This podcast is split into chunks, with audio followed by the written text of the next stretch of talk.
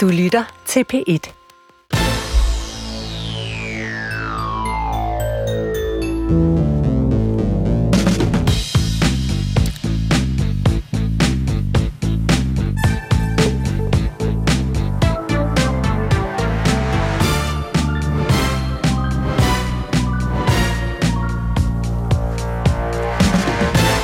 Svend Brinkmann, goddag. Goddag. Er du for eller imod aktiv dødshjælp? Det er jeg imod. Svend Brinkmann, har vi brug for et etisk råd, der er ude af synk med befolkningen? Vi har brug for et etisk råd, og hvis det er ude af synk med befolkningen, så må det jo være sådan. Du kritiserer statsministeren for at moralisere og tale til danskerne, som om vi er børn. Er du selv en moralens mester? øh, ja. Er du nogensinde gået over stregen og har fortrudt, når du sådan har været ude med angreb på politikere og deres beslutninger? Ja. Er du, Svend Brinkmann, nogle gange møg irriterende, fordi du mener noget om alt? Ja. Er du en virkelig dårlig håndværker? Ja. Svend Brinkmann, du er ugens gæst på P1. Du er med fra Danmarks Radio i Aalborg. Velkommen. Mange tak.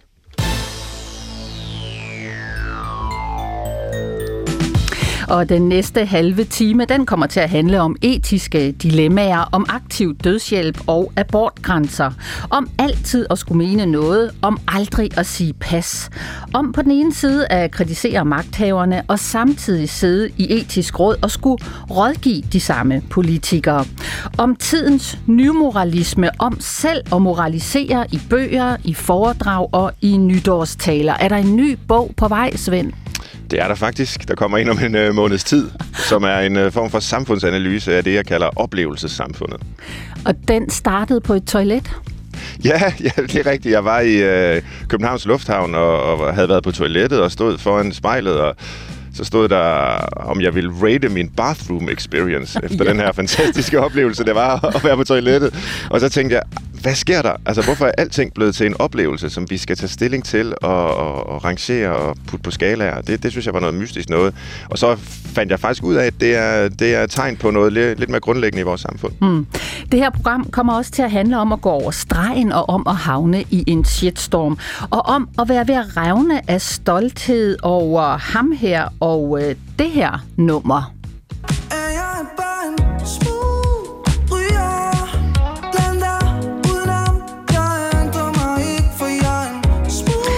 Svend Brinkmann, hvad er det med dig og Andreas Oddbjerg? ja, men jeg synes simpelthen, han er en øh, fantastisk øh, sanger og sangskriver, og han har fingeren på pulsen i forhold til, hvad der rører sig. Øh, altså, nu, den her sang har jeg et specielt forhold til, fordi han nævner mig i den, ja. og bare så sød på forhånd og skrive til mig og spørge, er det okay, at du er med i et vers?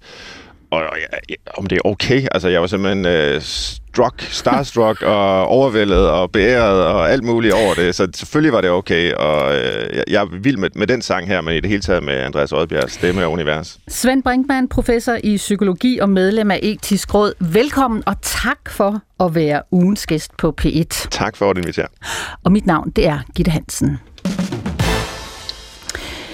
Det etiske råd, hvor du sidder, Svend Brinkmann, øh, kom onsdag med en anbefaling om et nej til aktiv dødshjælp. Og samme dag så kom der en meningsmåling fra Opinion øh, fra Danmarks Radio.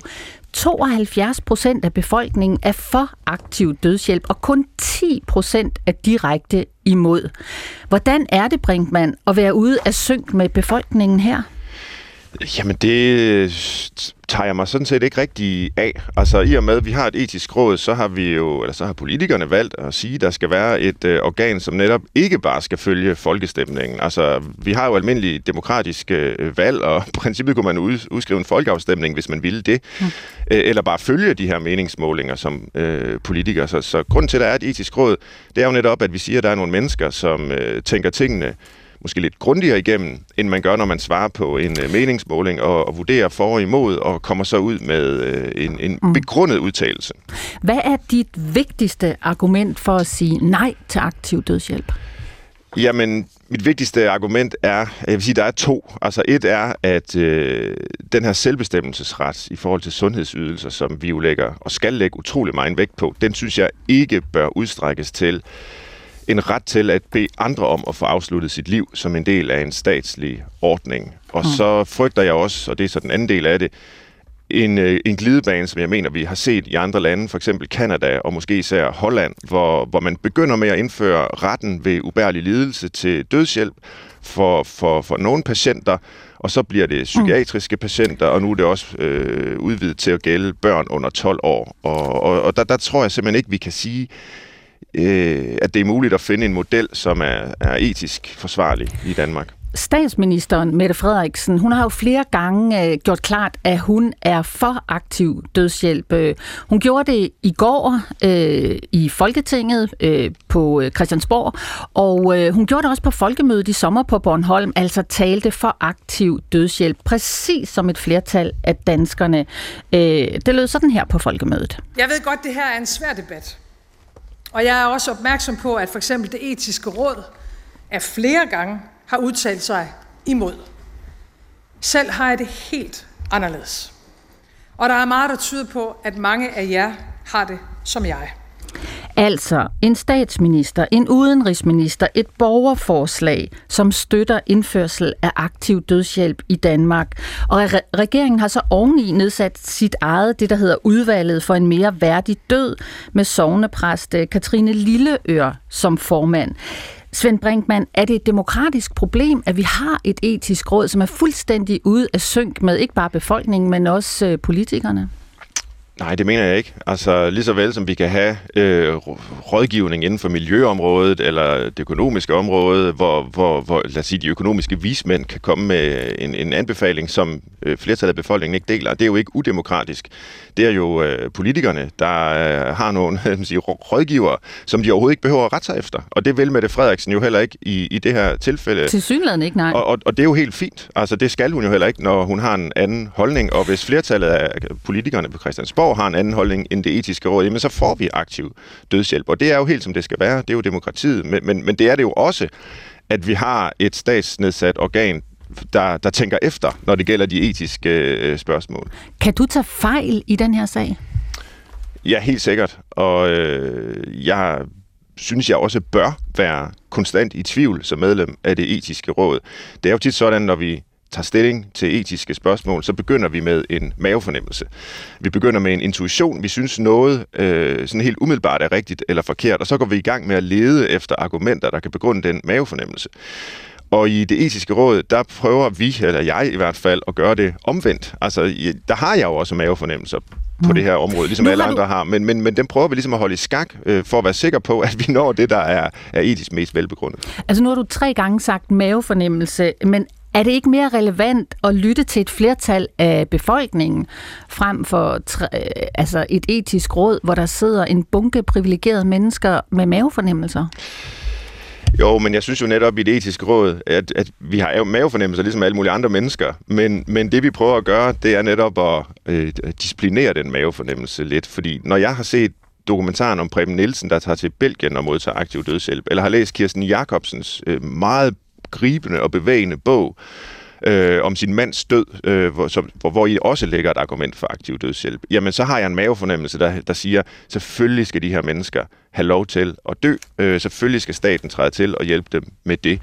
Men når jeg så tænker implikationerne igennem, hvad betyder det for vores opfattelse af liv? Hvad betyder det for vores opfattelse af værdige liv? Hvorfor er handicaporganisationerne for eksempel under en kamp imod Øh, hvorfor er lægeforeningen imod? Hvad vil det betyde for borgerens relation til sundhedsvæsenet, at der opstår sådan et tilbud, som man mm, så måske vil gribe til, fordi man er til besvær. Der vil jeg jo sige, at de implikationer er uhyggelige og uoverskuelige, og, og, og så kan det godt være, at min mavefornemmelse siger, at det skal vi da. Men, men, men, men jeg synes, en, en yderligere eller dybere grænskning øh, i hvert fald giver mig det resultat at sige, at det skal vi ikke. Hvad er du bange for? Jamen, jeg er dels bange for den her glidebane, at vi kommer til at udvide øh, noget, som måske er en forståelig ret for en meget lille gruppe mennesker, til en stor gruppe mennesker. Så kan man selvfølgelig sige, okay, det kan vi håndtere øh, praktisk. Det må kunne lade sig gøre juridisk at lave en eller anden lovgivning, der inddæmmer. Øh, jeg vil sige, selv hvis det kunne lade sig gøre, det tror jeg ikke, det kan, fordi det synes jeg ikke, man øh, har kunne se i, i, i de lande, hvor det er blevet indført. Der, der er det bare blevet udvidet øh, rigtig mange steder. Øh, men selv hvis det kunne lade sig gøre, så tror jeg, at det vil altså være en helt forkert relation og en helt forkert beslutning at sætte mennesker, eller tvinge mennesker til at træffe i meget, meget sårbare mm. situationer, hvis det skulle være en, i situationstegn, sundhedsydelse, et tilbud. Du kan vælge at modtage den her behandling, du kan vælge at komme hen på det her hjem, eller du kan vælge at få afsluttet dit liv. Og vi kan som samfund tilbyde alle tre ting. Folk vil øh, i moderne samfund ikke ret gerne være til besvær, så vil der måske være en form for nudging, som det hedder i psykologien nu, ja. øh, hen imod den tredje mulighed, altså den aktive dødshjælp. Og der vil jeg gerne insistere på retten til at være til besvær. Alle mennesker har lov til det. De bliver syge, de bliver gamle, vi bliver døende. Det er en proces, vi alle sammen skal øh, igennem. Det er besværligt, og det må det gerne være. Og øh, det kan du jo godt insistere på, Svend Brinkmann, men nu nævnte du jo selv Preben Nielsen, som optræder i den der tv-dokumentar, hvor Anders Lund Madsen følger med Preben til Belgien øh, for de Preben ønsker at dø. Ja. Hør lige øh, et klip øh, fra dokumentaren med Preben her. Har du været på vej ud af den beslutning igen på noget tidspunkt? Jeg er blevet mere og mere sikker på, at det er den rigtige beslutning. Så du sagde, at jeg øh, er enig i at jeg, jeg har ikke lyst til at leve mere? Jeg har ikke lyst til at sidde på den måde her resten af min dag. Jeg kan jo risikere at blive 20 år ældre. Hvorfor hastværket? Det bliver begrænset, hvor meget længere at jeg kan bide den ydmygelse i mig. Det er hver eneste forpulede sekund at være afhængig af andre mennesker. Ja, Brinkmann. Hvorfor er det ikke Preben, der selv skal bestemme, om han vil dø? Lige bagefter, så vidt jeg husker i det her klip, så bekræfter Anders Lund Madsen, ja Preben, det er jo ydmygende. Og det er på en måde, øh, altså der rejste hårene sig på armene af mig, fordi der tænkte jeg, nej, det er jo ikke ydmygende. Preben Nielsen øh, synes, det er udmygende og har det her ønske om at dø. Det er et selvmordsønske. Og der synes jeg bare, at vi som samfund skal træde til at sige, når et menneske lider på den her måde og har et selvmordsønske, så skal vi øh, støtte og lindre og hjælpe øh, ligesom vi gør, hvis en person ikke sidder i kørestol mm. og er lam og har et selvmordsønske. Det er jo en forskelsbehandling, sådan set at sige, at nogle liv er værdige til at blive, eller uværdige til at leve, og værdige til at blive afsluttet, og andre liv er ikke. Og, og, og det er derfor handicaporganisationerne er imod. Og så kan man kun have den største sympati for Preben Nielsen, en velreflekteret, klog, varm person, som er i en forfærdelig øh, krise. Men der ved vi også... Og fra, som ønsker at dø. Ja, men vi ved fra selvmordsforskningen, øh, og Preben Nielsen har et selvmordsønske, og han fik lov at udføre det i Belgien, at selvmordsønsker kommer og går. Og også mennesker, der er i sådan en kritisk situation her, som Preben Nielsen, har perioder, hvor de er glade for at leve. Øhm, Hvem er og, du, der skal gøre dig til dommer over Prebens øh, ønsker? Jamen, jeg gør mig ikke til dommer over Prebens ønske. Øh, hvis Preben Nielsen, og det havde han jo, øh, havde et ønske om at dø, øh, så er, er det jo ikke fordi, jeg synes, han er et dårligt menneske, at han har det ønske. Men vi har jo lov som samfund at sige, det er ikke en menneskeret at få et andet menneske til at afslutte ens liv. Hmm. Det er ikke en menneskeret at få, altså, man, man kan sige nej til behandling. Det står i sundhedsloven. Det er en del af selvbestemmelsesretten i forhold til sundhedsydelser. Men man kan ikke øh, kræve en bestemt øh, behandling, eller i det her tilfælde en, en, en, en behandling, der afslutter ens liv. Det, det, det, det kan man altså ikke, så det sætter vi os jo til dommer over hver eneste dag øh, i, øh, i øh, sundhedsvæsenet. Der er jo mange, der har øh, rejst en stemme i den her debat for og imod aktiv dødshjælp. Jens Mulvad er en anden mand, multihandicappet, og han ønsker sig aktiv dødshjælp. Han var i 21 søndag, og øh, det lød sådan her. Ja, det er i hvert fald svært at vågne op med et smil på, mm. øh, som er ægte. Jeg har meget mere træk en facade på. Hvordan er det indvendigt? Indvendigt, der, der er det sgu ikke... Um, der er meget sort. Meget sort, synes jeg. Ja, det sagde Jens Mulvad her til øh, Peter Kvartrup Geisling øh, i 21 søndag. Svend Brinkmann, hvad er dit svar til en mand som Jens her? Altså, når jeg hører hans ord, og dem har jeg ikke hørt før, øh, så lyder det jo som en patient, der er deprimeret. Og når vi har med mennesker at gøre, der er deprimeret, så skal vi hjælpe dem med deres depression. Det er det, vi gør i et, efter min mening, omsorgsfuldt samfund. Og hvis vi vil sige til folk, der er deprimeret af den ene eller den anden grund, øh, jamen vi kan også hjælpe dig til at dø, så synes jeg, at vi er på vej et, øh, et forkert og, og uhyggeligt og etisk uforsvarligt øh, sted hen. Så jeg kan godt forstå hans øh, ord, jeg kan godt forstå hans øh, lidelse, men, men når folk kommer med den slags øh, depressive tanker og selvmordsønsker, så skal vi hjælpe dem af med selvmordsønsket. Mm. Men Jens har sagt det her igennem 17 år. Ja, altså det, men, og det er øh, altså, jo tragisk, og øh, jeg for, kan, altså, kan jo kun have den største sympati for, for det menneske og, og den situation, han er i, men implikationerne af at give ham øh, ligesom statshjælp til mm. at få, få afsluttet sit liv, øh, mener jeg er, er uoverskuelig og, og, og, og et værre alternativ. Så skriver Jyllandsposten om et par, Ebbe Prejsler og hans kone Marianne Prejsler. Øh, de har været sammen i 55 år.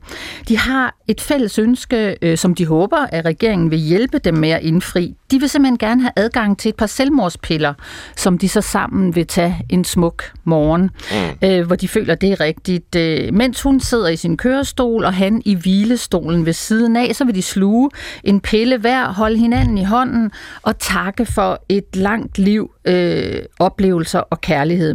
Og Ebbe og hans kone her, de håber, at regeringen trodser det flertal i etisk råd, som altså i onsdags, ligesom dig, sagde nej til aktiv dødshjælp. Forstår du det der øh, selvmordsønske fra Ebbe og Marian Prejsler? Altså, puh, jeg, jeg kan jo ikke sige, at jeg forstår det, fordi øh, altså, det, det, det tror jeg ikke, man kan, hvis ikke man er øh, en person, der har det. Øh, men, men det, de ytrer ønske om, det lyder som om, det er tæt på det, der kaldes uh, Oregon-modellen, og det er jo noget andet end den her aktive dødshjælp, man har i for eksempel som Holland. Er, altså Oregon-modellen, det er assisteret selvmord. Ja. Det er, hvis man er uh, terminalsyg. Mm. Det er mm. så et krav uh, i, i staten Oregon og flere andre, uh, andre amerikanske stater. At man skal være terminalsyg, så kan man få en pille, som man inden for uh, det her halve år, man formodes at have tilbage, altså en pille alene, kan tage, uh, og som afslutter ens liv. Jeg synes, det er en etisk mere forsvarlig, vil jeg sige, øh, model end, øh, end den deciderede aktive dødshjælp. Men jeg synes stadigvæk ikke, den er tilstrækkelig sikker og forsvarlig til, at jeg vil anbefale den. Hvad er det uforsvarlige? Jamen, øh, alene... Det er jo deres eget ønske. Ja, og når det er deres eget ønske, så kan man jo sige, der er måder, de kan få afsluttet deres liv på, og det vil jeg ikke ønske for dem, og jeg vil ikke anbefale nogen at gøre det, men, men, men det er jo altså kapable mennesker, der har førligheden i behold, Øh, og, og, og der er det jo sådan set øh, en mulighed for, for mennesker i Danmark at begå selvmord. Jeg synes, det er trist. Jeg synes, det er forkert. Skal de men... have statens hjælp øh, med selvmordspiller? Nej, det, det synes jeg jo så ikke, de skal. Altså, jeg forstår ikke, hvorfor staten skal blandes ind øh, i det. Øh, det, altså det forstår jeg godt i det andet tilfælde, hvor man er ude af stand til at agere øh, selv, og det, det er så den aktive øh, dødshjælp, som i Holland. Men, men når man er i stand til at handle selv, øh, ja, så kan man jo handle selv, og så er statens øh, indblanding unødvendig. Svend Brinkmann, øh, jeg har set flere artikler med dig i øh, Damebladet Femina.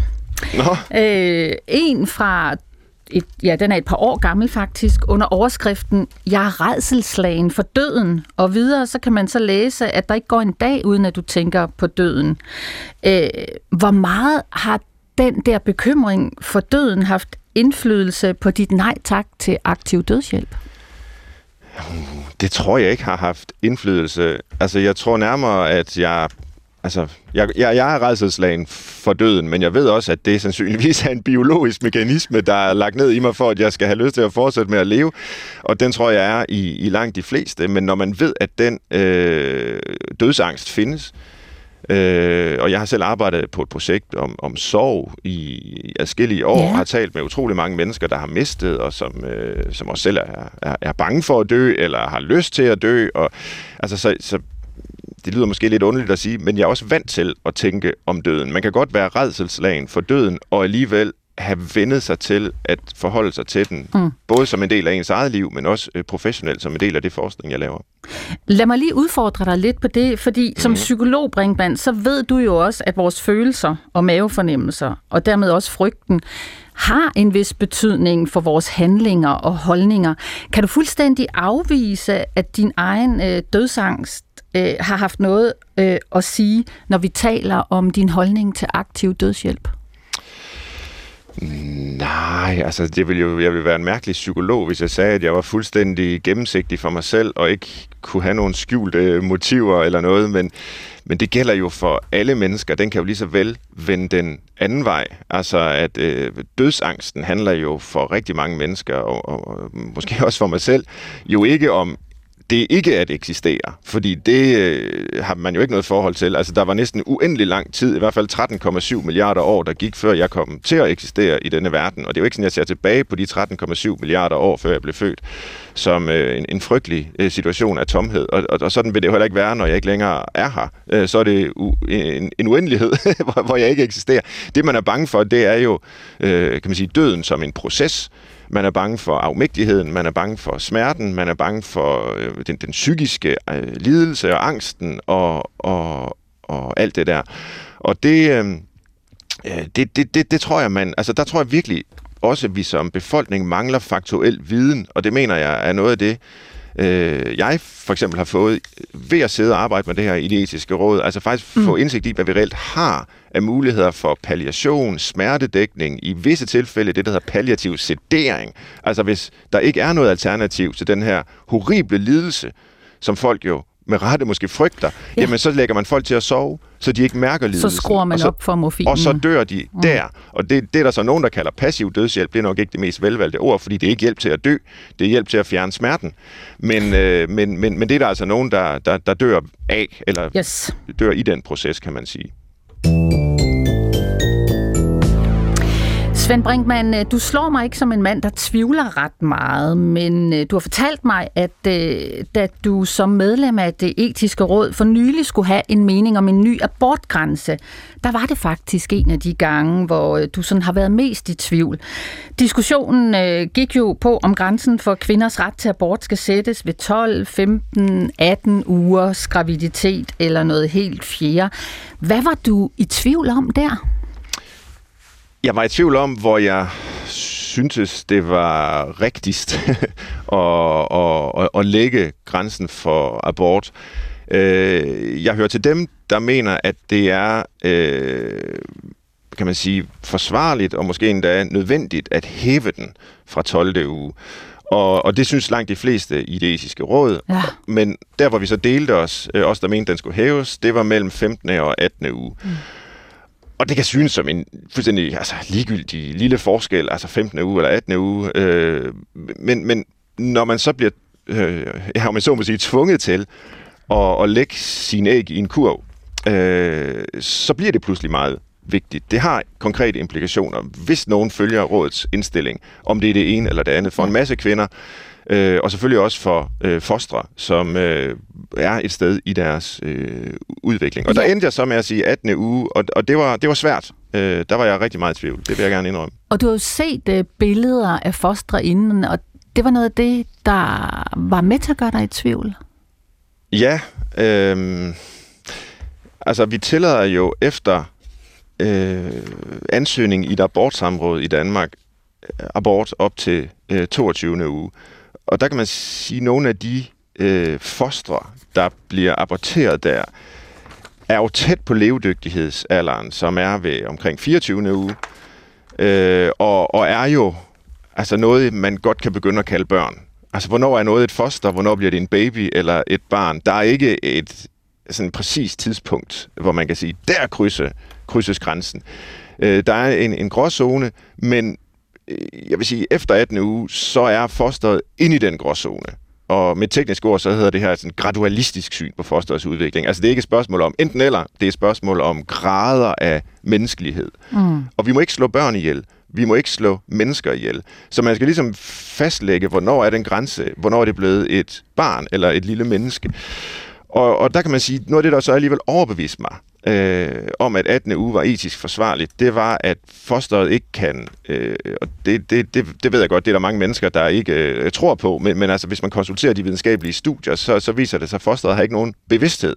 Øh, nervesystemet er ikke udviklet. Fosteret kan ikke føle smerte øh, på det her tidspunkt. Øh, jeg synes selvfølgelig, det er bedst at få foretaget en abort så tidligt som muligt for de kvinder, der ønsker det øh, i, i deres øh, graviditet. Men der er heller ikke noget som helst, der tyder på, at der vil komme flere senaborter af, at man flytter grænsen op til 18 uge. Det vi vil vinde ved det, det er bare, at de måske relativt få kvinder, som søger i de her abortsamråd øh, op til 18. uge, de kan slippe for det. Og så kan de træffe beslutningen selv, frem for at skulle igennem sådan et lidt formynderisk råd af, af, af nogle mennesker, som mener at vide bedre på deres øh, vegne. Og, så det var egentlig det, der var mit øh, hensyn. Ja, så hvis du skal sætte et ord på, hvor du lander din tvivl i det her tilfælde, altså er det intuition, mavefornemmelser, fakta? Jamen, det er en blanding. Altså, det er jo en afvejning af forskellige hensyn, og for hvert af de hensyn til fosteret, til kvinden selvfølgelig, til sundhedspersonalet, der skal foretage de her ting, til vores opfattelse af liv i det almindelige samfund. Altså, der, der er jo ligesom noget, der trækker i, i hver af de her øh, øh, retninger, og der er også en masse faktuel viden, altså for eksempel om fosterets udvikling, og, og, og det, det kan jeg virkelig sige, det bruger vi lang tid på, også i det etiske råd. Det er ikke bare at sidde og ligesom måle vores mavefornemmelser i forhold til hinanden. Øh, vi har selvfølgelig alle sammen mavefornemmelser, fordi vi er mennesker, men vi skal kunne begrunde dem, vi skal kunne udfordre dem, blandt andet jo altså af, af, af videnskabelig viden. Svend Brinkmann, øh, tirsdag i denne uge, der åbnede statsminister Mette Frederiksen Folketinget med en opsang til os danskere. Hun kræver høj arbejdsmoral af os borgere og respekt for autoriteter. Man må ikke i misforstået omsorg fratage læreren rollen som den voksne, der bestemmer i klasseværelset. Og vi voksne må ikke løse alle problemer for vores børn. For gør vi det, så får de et kæmpe chok, når de bliver voksne og møder verden. Ja, og straks er du man jo som vanligt på de sociale medier og skriver, jeg citerer, jeg føler mig som et otteårigt barn, der bliver i rettesat, når jeg lytter til den nye moralisme i dansk politik. Citat slut. Altså, Brinkmann, demokratiet betyder, at vi har valgt politikerne til at tage ansvar og vise vejen. Er det ikke præcis, hvad statsministeren gør her? Jo, vi har jo valgt politikerne til at øh, lovgive, øh, først og fremmest. Øh, at de så pakker måske lovgivning ind i sådan en øh, moralisme, det må de jo selv om. Men der må vi jo så også som borgere have lov at, at reagere på det og sige, ja, de behøver ikke at tale til os, som om, at vi er øh, børn. Altså, jeg er sådan set enig i, at det er godt at have respekt for autoriteter. Jeg er enig i, at læreren i klasseværelset skal være en autoritet. Det, det har jeg faktisk selv øh, skrevet øh, afskillige ting om i tidens løb. Jeg er enig i, at det er vigtigt at være en del af et samfund og føle sig forpligtet på noget, der er større end en selv, og at man derfor også bør øh, arbejde og bidrage og alt det der. Det, det jeg synes, altså, jeg er jo enig i grundværdierne. Øh, jeg, jeg tror bare, og det er så måske, der er vi lidt, måske lidt mere over i spinafdelingen og sådan politisk kommunikation, men der er altså nogle psykologiske mekanismer, som jeg også går i gang hos mig, hvor vi begynder at opføre os lidt som børn, når vi bliver talt til som børn. Så når jeg får at vide, nu skal du respektere autoriteter, du må ikke have lyst til nærmest at gå ned i tid, øh, fra, fra 37 til 30 timer, fordi så for, forfalder velfærdssamfundet, så får jeg lyst til at gå ned i tid. Mm. Altså det, så og det, bliver du et barn. Så, så bliver, bliver du et barn. Brinkmann 8 ja. år. Og hvis politikerne havde sagt øh, sådan lidt mere nøgternt, og det gør de selvfølgelig også, men, men der er altså kommet den her moralisme ind, det her, det er vores øh, politik, det er den lovgivning, vi går ind for, og det er de, og de grunde, øh, så synes jeg, man kunne have øh, en, en lidt mere øh, altså, respektfuld diskussion om det, frem for den her opdragelse af borgerne. Den, den bryder mig ikke om fra politikernes side. Hvad er der egentlig galt med at bede befolkningen om at yde noget mere, arbejde noget mere øh, for universiteterne, for sygehusene, for børnehaverne, for folkeskolerne?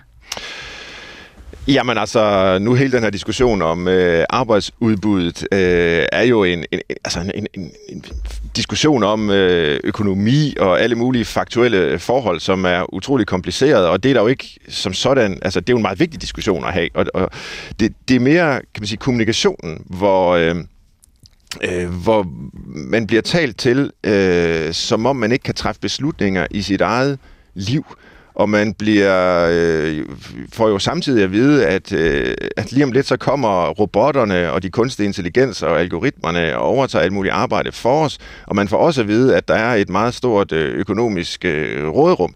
Så det er jo alle mulige ting, der bliver kommunikeret på én gang, som ikke alt sammen kan være lige rigtigt i hvert fald. øh, mm. så, så, så, så, men, men, man, eller nu siger jeg mand, jeg skulle sige jeg, fordi jeg ved ikke, hvor almen den her opfattelse er.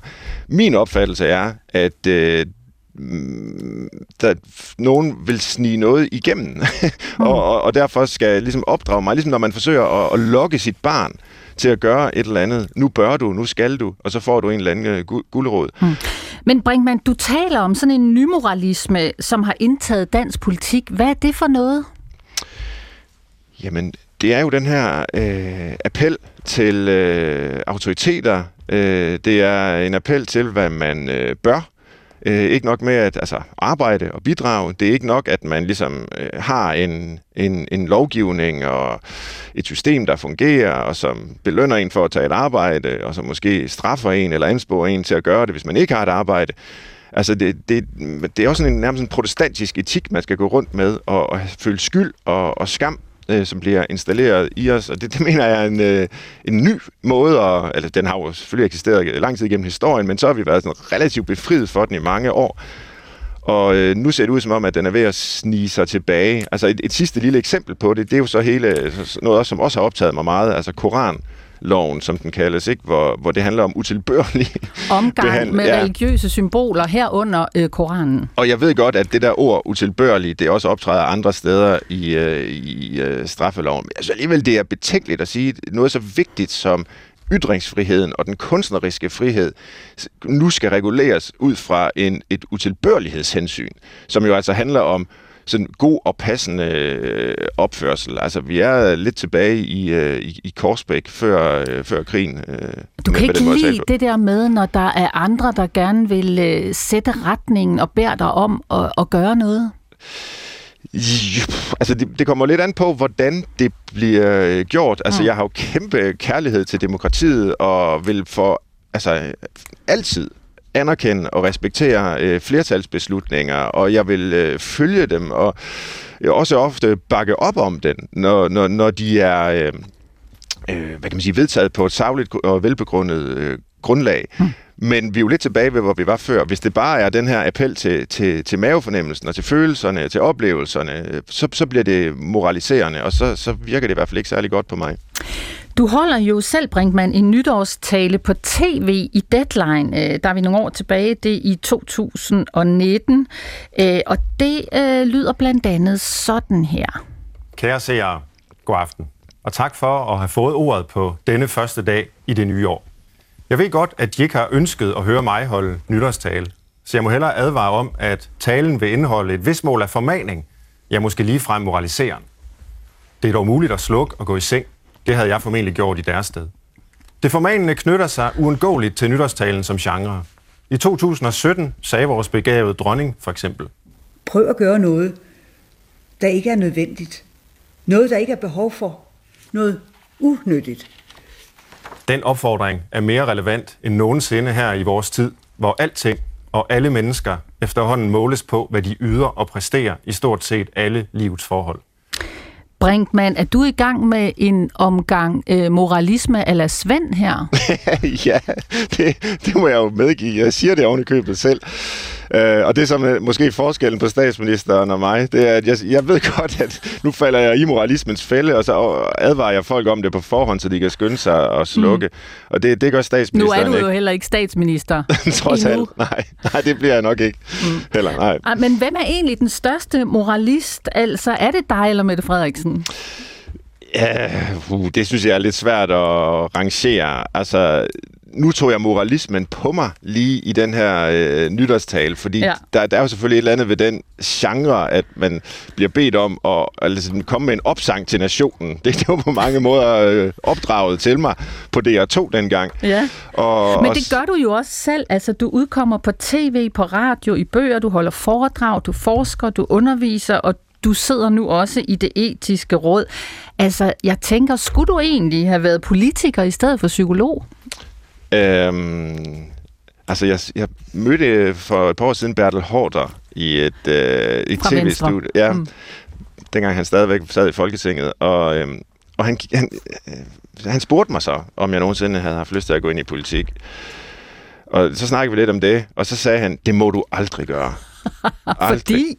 Fordi du har meget større indflydelse ved mm. ikke at gøre det. Mm. Og nu er målet, synes jeg jo ikke at have indflydelse som sådan, men målet er for mig at kunne tale frit og, mm. og være en, øh, det, man i, i Frankrig kalder en offentlig intellektuel, der, der, der ligesom blander sig i, i ting, som, som jeg synes er vigtige som en borger og som en person, der får løn på universitetet, for ligesom at, at, at forhåbentlig at vide noget om nogle ting det ville jo være helt umuligt som øh, politiker, der skulle passe ind i en partidisciplin. Det, det tror jeg ikke ville øh, egne sig til mig. Der er det meget nemmere at sidde uden ansvar udenfor og revse alle de andre. Meget nemmere. Mm. Det er jo også gået galt nogle gange, Brinkmann, øh, når du har været for hurtig på tasterne. Altså, du havnede jo i en giga shitstorm under Vlak-regeringen. Hvad var det, der skete der?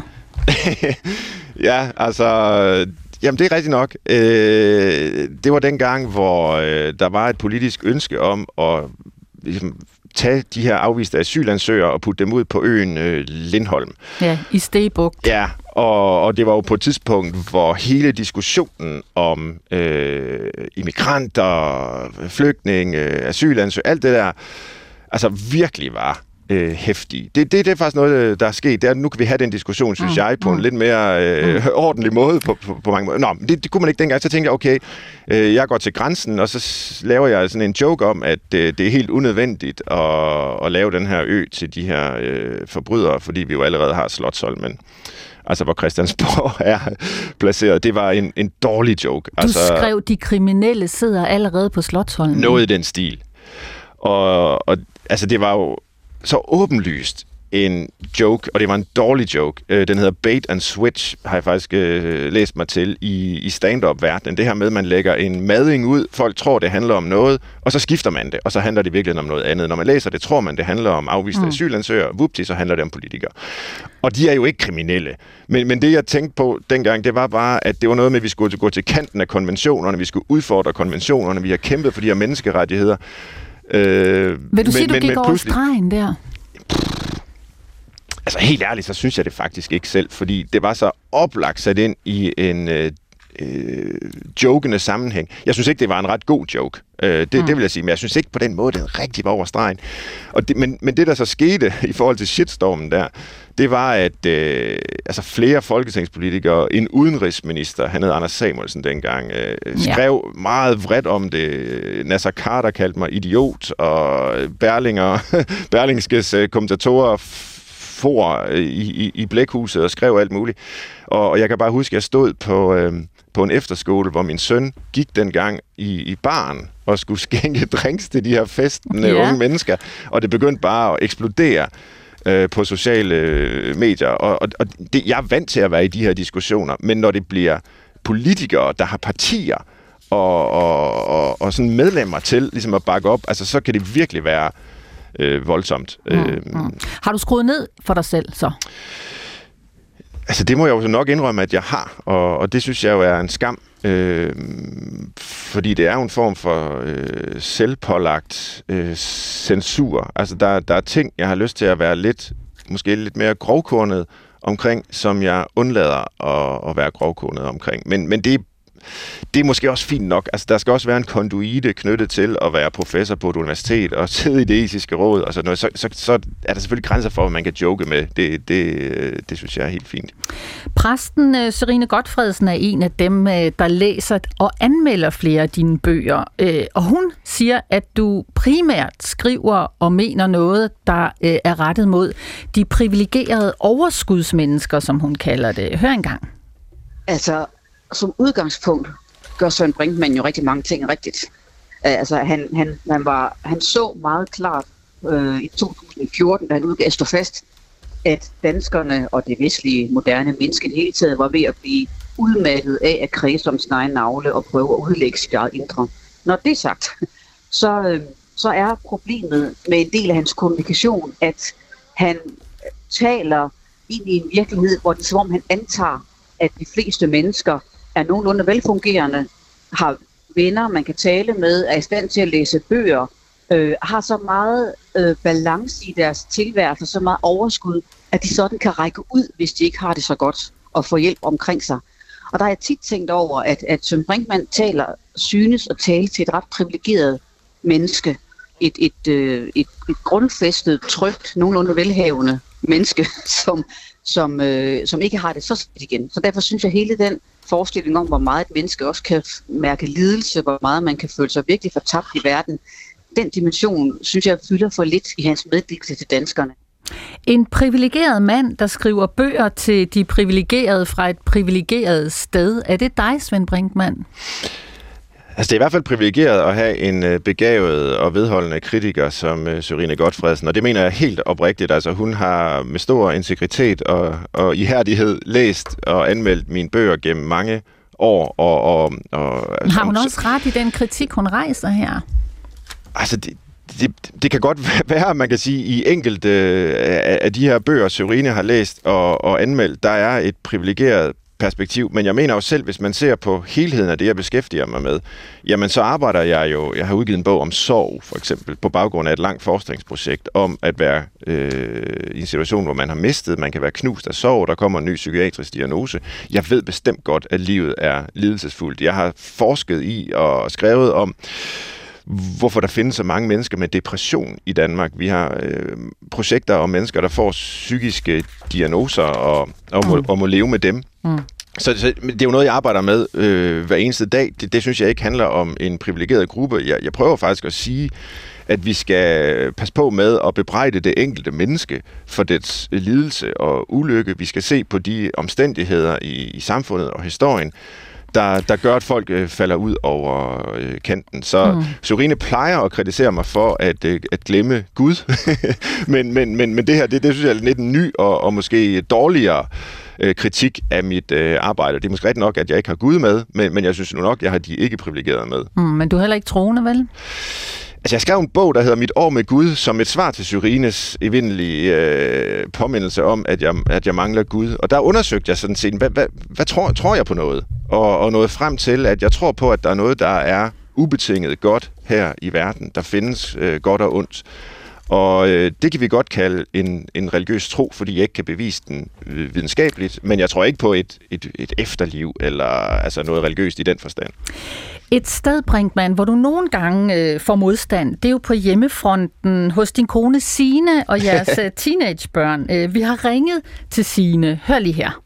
Børnene synes måske nogle gange, at, og det gør jeg sådan set også til dels, at han hænger lidt fast i sin øh, ungdom med nogle ting. Med film og med film og musik. Altså han vil helst høre øh, øh, musik, han har hørt før, helst før øh, årtusindskiftet. Og, øh, og filmene skal også helst være nogle, han ligesom har set før og ved er gode, så det ikke er spild af tid. Og der, der, der, der bliver han heldigvis, der, får, der bliver han nogle gange lidt øh, belært lidt af, af, af vores unge teenager, hvad der, hvad der er værd at se, og hvad der er værd at høre, og så videre. Der kommer han lidt til kort, vil jeg sige. Vil du ikke sige det, Ellen? Åh, oh, hun nikker. og Ellen, det er jo så øh, din datter, som ja. sidder ved siden af din kone Signe her. Er, er du sådan en øh, mand, der er gået helt i stå med film og musik, og helst bare skal have det, du kender i forvejen? Ja, det, det er jeg jo nok. Altså, men jeg prøver jo at gøre mig åben over for nye øh, indtryk og øh, impulser. Men øh, jeg er meget øh, knyttet til ja, den æstetik og kultur, der, der eksisterede, da jeg var ung, og ligesom formede mig som menneske, og min smag og sådan noget, det, det er jo nok øh, nostalgisk og på mange måder konservativ, øh, hvad, hvad de her ting angår. Så har du en yndlingsfilm fra den gang, din verden gik i stå? Jamen, jeg mener jo stadigvæk, at øh, det er jo simpelthen så stereotypt, som det overhovedet kan være, men at øh, det er jo så før min ungdom, men at Godfather-trilogien øh, er verdens bedste film. Men når det drejer sig om de år, hvor jeg var ung, altså, så er det jo også endnu mere stereotypt måske, at sådan en film som Pulp Fiction af Tarantino, øh, synes jeg er helt genial. Altså, Psykolog Svend Brinkmann er ugens gæst på P1. Og Svend, du er jo vokset op lidt uden for Herning i den lille by Tjøring, og allerede fra en ung alder, der var du optaget af de allerdybeste spørgsmål. Øh, du vendte nogle af de der helt store filosofiske øh, spørgsmål med din mor, altså noget om, hvorvidt det hele bare var fuldstændig ligegyldigt, når vi nu alligevel skal dø en dag Øh, og nu har vi været inde på det der med døden tidligere, og det at være redselslagen for døden. Øh, hvorfor var din mor en god samtalepartner der? Jamen, øh, hun og også min far og også andre øh, gode familiemedlemmer tog de her spørgsmål øh, alvorligt. Øh, vendte ikke bare ryggen til dem og sige, det skal vi ikke snakke om nu, eller det er ubehageligt, det ved vi ikke noget om, øh, tænk på noget andet. Øhm, mm. Så, og det, det, altså, og det, voksne kan jo heller ikke lide at tænke på, at vi skal dø. Men uanset hvordan man vender og drejer det, så er det spørgsmål, der opstår hos børn. Og der skal voksne altså ligesom tage det på sig og gå ind i de samtaler, og ikke være bange for, fordi de selv er bange, øh, for at det skal skade børn eller sådan noget, fordi det, det gør det ikke. Altså, det, det gør det kun, hvis man får at vide, at det er forbudt at tale om. Svend, vi skal ind på dit uh, teenageværelse der i 1990, da du var 15 år gammel. Uh, hvordan ser der ud på værelset der, da du, da du er teenager og 15 år? Øh, der ser sådan øh, pænt og ordentligt ud. Øh, Bøger, plakater? ja, mange bøger. Øh, Hvad for nogen?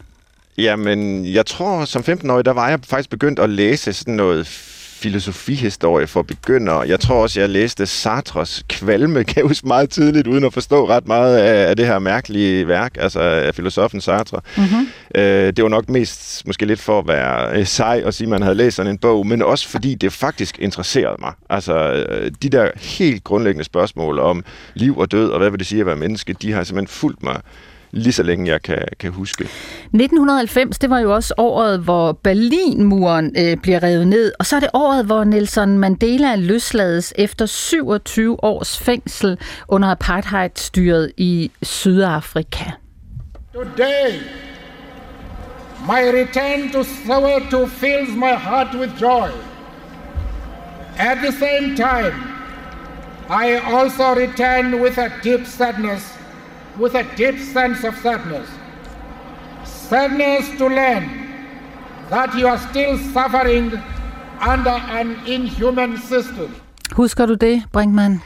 Ja, det gør jeg. Øhm, det er ikke fordi, jeg kan sige, at jeg sådan blev vagt øh, politisk eller ideologisk øh, af det her. Altså, jeg tror nok, jeg som ung var sådan underligt apolitisk, hvad jeg tror mange af os var dengang. Øh, men, men jeg kan helt klart huske de her altså især Mandela, også øh, før han blev øh, løsladt og kom ud, altså Free Nelson Mandela-sangen, og øh, det, altså, sådan en sag øh, gjorde indtryk på mig øh, dengang. Ikke? Altså, tænk, at der fandtes et land med apartheid øh, på det tidspunkt. Det er jo helt øh, grotesk. Året efter, i 1991, der begynder du i gymnasiet, og øh, det er så også der, du møder din kone første gang, øh, og I kysser i elevatoren efter en musical. ja, hvor ved du alt det fra? Det, det er noget, jeg har læst. Nå, okay. Jamen, det er rigtigt nok. Var det kærlighed ved første blik? Ja, det, det var det. Altså, jeg blev forelsket i hvert fald øh, i Sine, og, øh, og, og vi, ja, vi mødtes til sådan en... Øh, Signe var, synger rigtig godt, og øh, var med i en musical, og jeg, jeg synger ikke ret godt, så jeg spillede saxofon i orkestret. Mm. Og jeg var begyndt at spille saxofon i håbet om at, at score en pige. øh, fordi jeg tænkte, de der saxofonister, de ser seje ud. Øh, og, øh, og det lykkedes. Så, øh, en scoresvend med saxofon der. Ja, simpelthen. Og jeg lod også håret gro, det blev langhåret, og det var ja. noget, det sine faldt for. Det har jeg så ikke mere. Men, ja. og, og der i 1990 som uh, teenager, så lyttede du også uh, til dem her.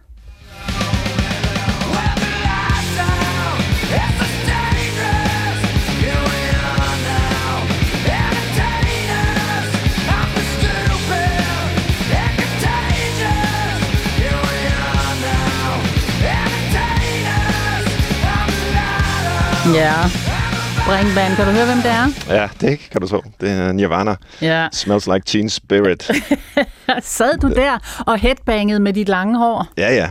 Ja, ja. Og jeg synes stadigvæk, det er en mega fed plade og en mega fed lyd. Altså, der er sådan en øh, desperation og, og støj, men så i sådan nogle popmelodier øh, som man jo så kalder grunge, den her genre, som jeg synes øh, fungerer utrolig godt. Og jeg, jeg kunne godt lide at tænke om mig selv som sådan en ung mand, der var i kontakt med det egentlige, fordi jeg havde lidt øh, sådan væltsmert. Altså, jeg øh, synes, det hele var lidt hårdt og svært der som teenager, men i virkeligheden, så var det jo også lidt påtaget, ikke? fordi jeg var og, og er sådan en relativt øh, harmonisk, synes jeg selv, og, og måske egentlig også øh, altså positiv og optimistisk person, som, som så bare øver sig i at have lidt sortsyn, fordi der også er ting, der skal kigges mm. kritisk på.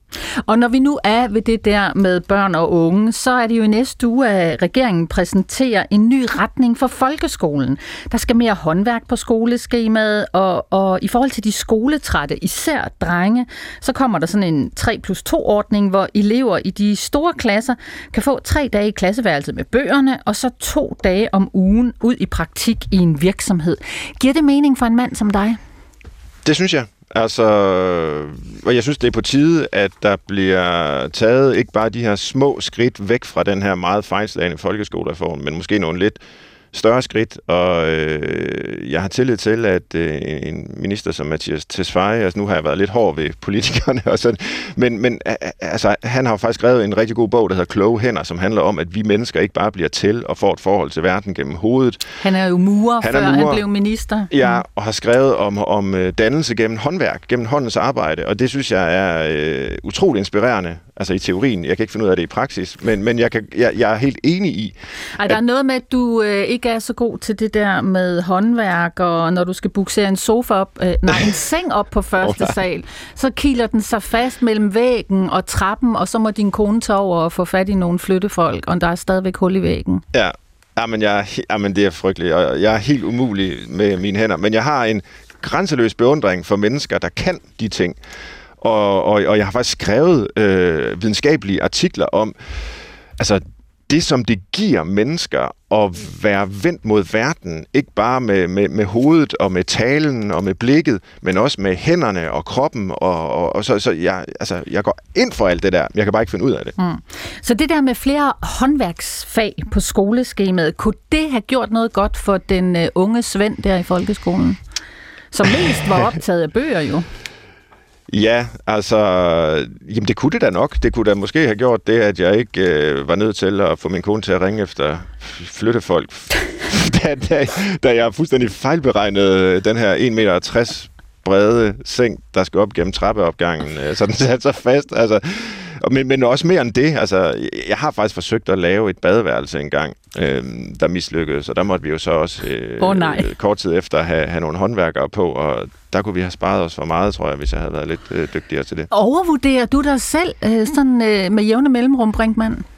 Ikke hvad det her, ja det gør jeg sikkert, men ikke hvad det her angår, altså med, med hånden der, der, og håndens arbejde og mine evner der, der, der er jeg fuldt bevidst om, at jeg ikke øh, har ret øh, store evner, men min kone prikker nogle gange til mig og siger, øh, du kan da godt lave det badeværelse. Øh, egentlig burde jeg jo prikke til hende og sige, det, det kan du da bare gøre, hvis du synes. I ligestillingens navn. Ja, ja, men der er vi nok lige... Og hun er god til... Øh, altså, hun er faktisk bedre og laver også mere af den slags praktisk arbejde efterhånden, end, end, øh, end jeg gør. Det har vi ligesom fundet ud af, det er den, det er den måde, det fungerer bedst på. Mm. Brinkmann, øh, den der nye bog, der er på vej, som jo startede på et toilet, øh, hvis nok i en lufthavn. Øh. Hvad har du fokus på der? Jamen, jeg kalder jo bogen for oplevelsessamfundet, og det er jo ikke kun fordi, at vi bliver bedt om at rate vores bathroom experience, øh, når vi har vasket hænder op i, øh, i en lufthavn.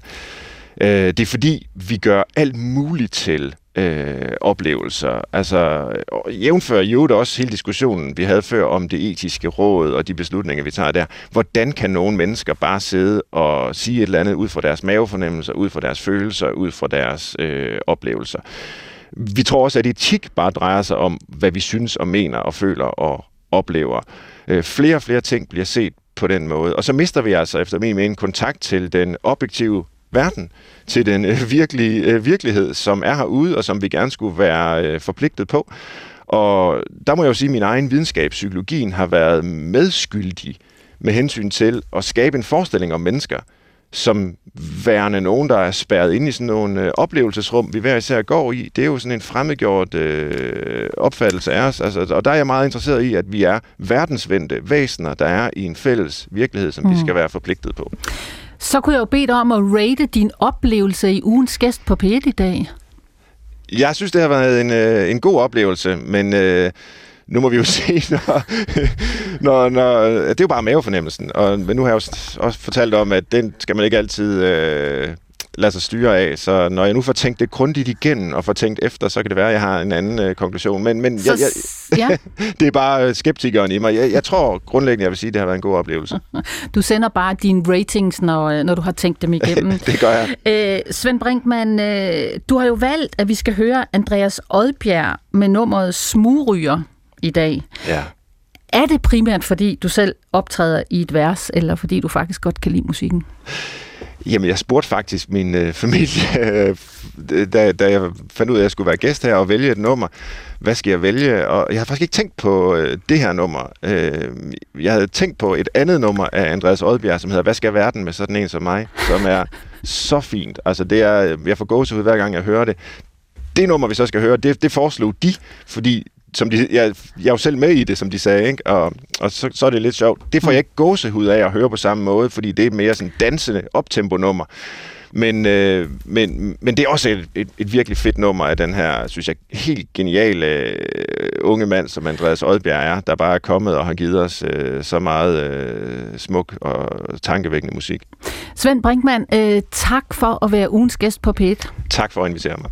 Og ugens gæst blev til ved hjælp af Uline Kildegård og Siv Søby Rasmussen, og øh, mit navn, det er Gitte Hansen. Og her er så Andreas Odbjerg med Smugryger. Thank you.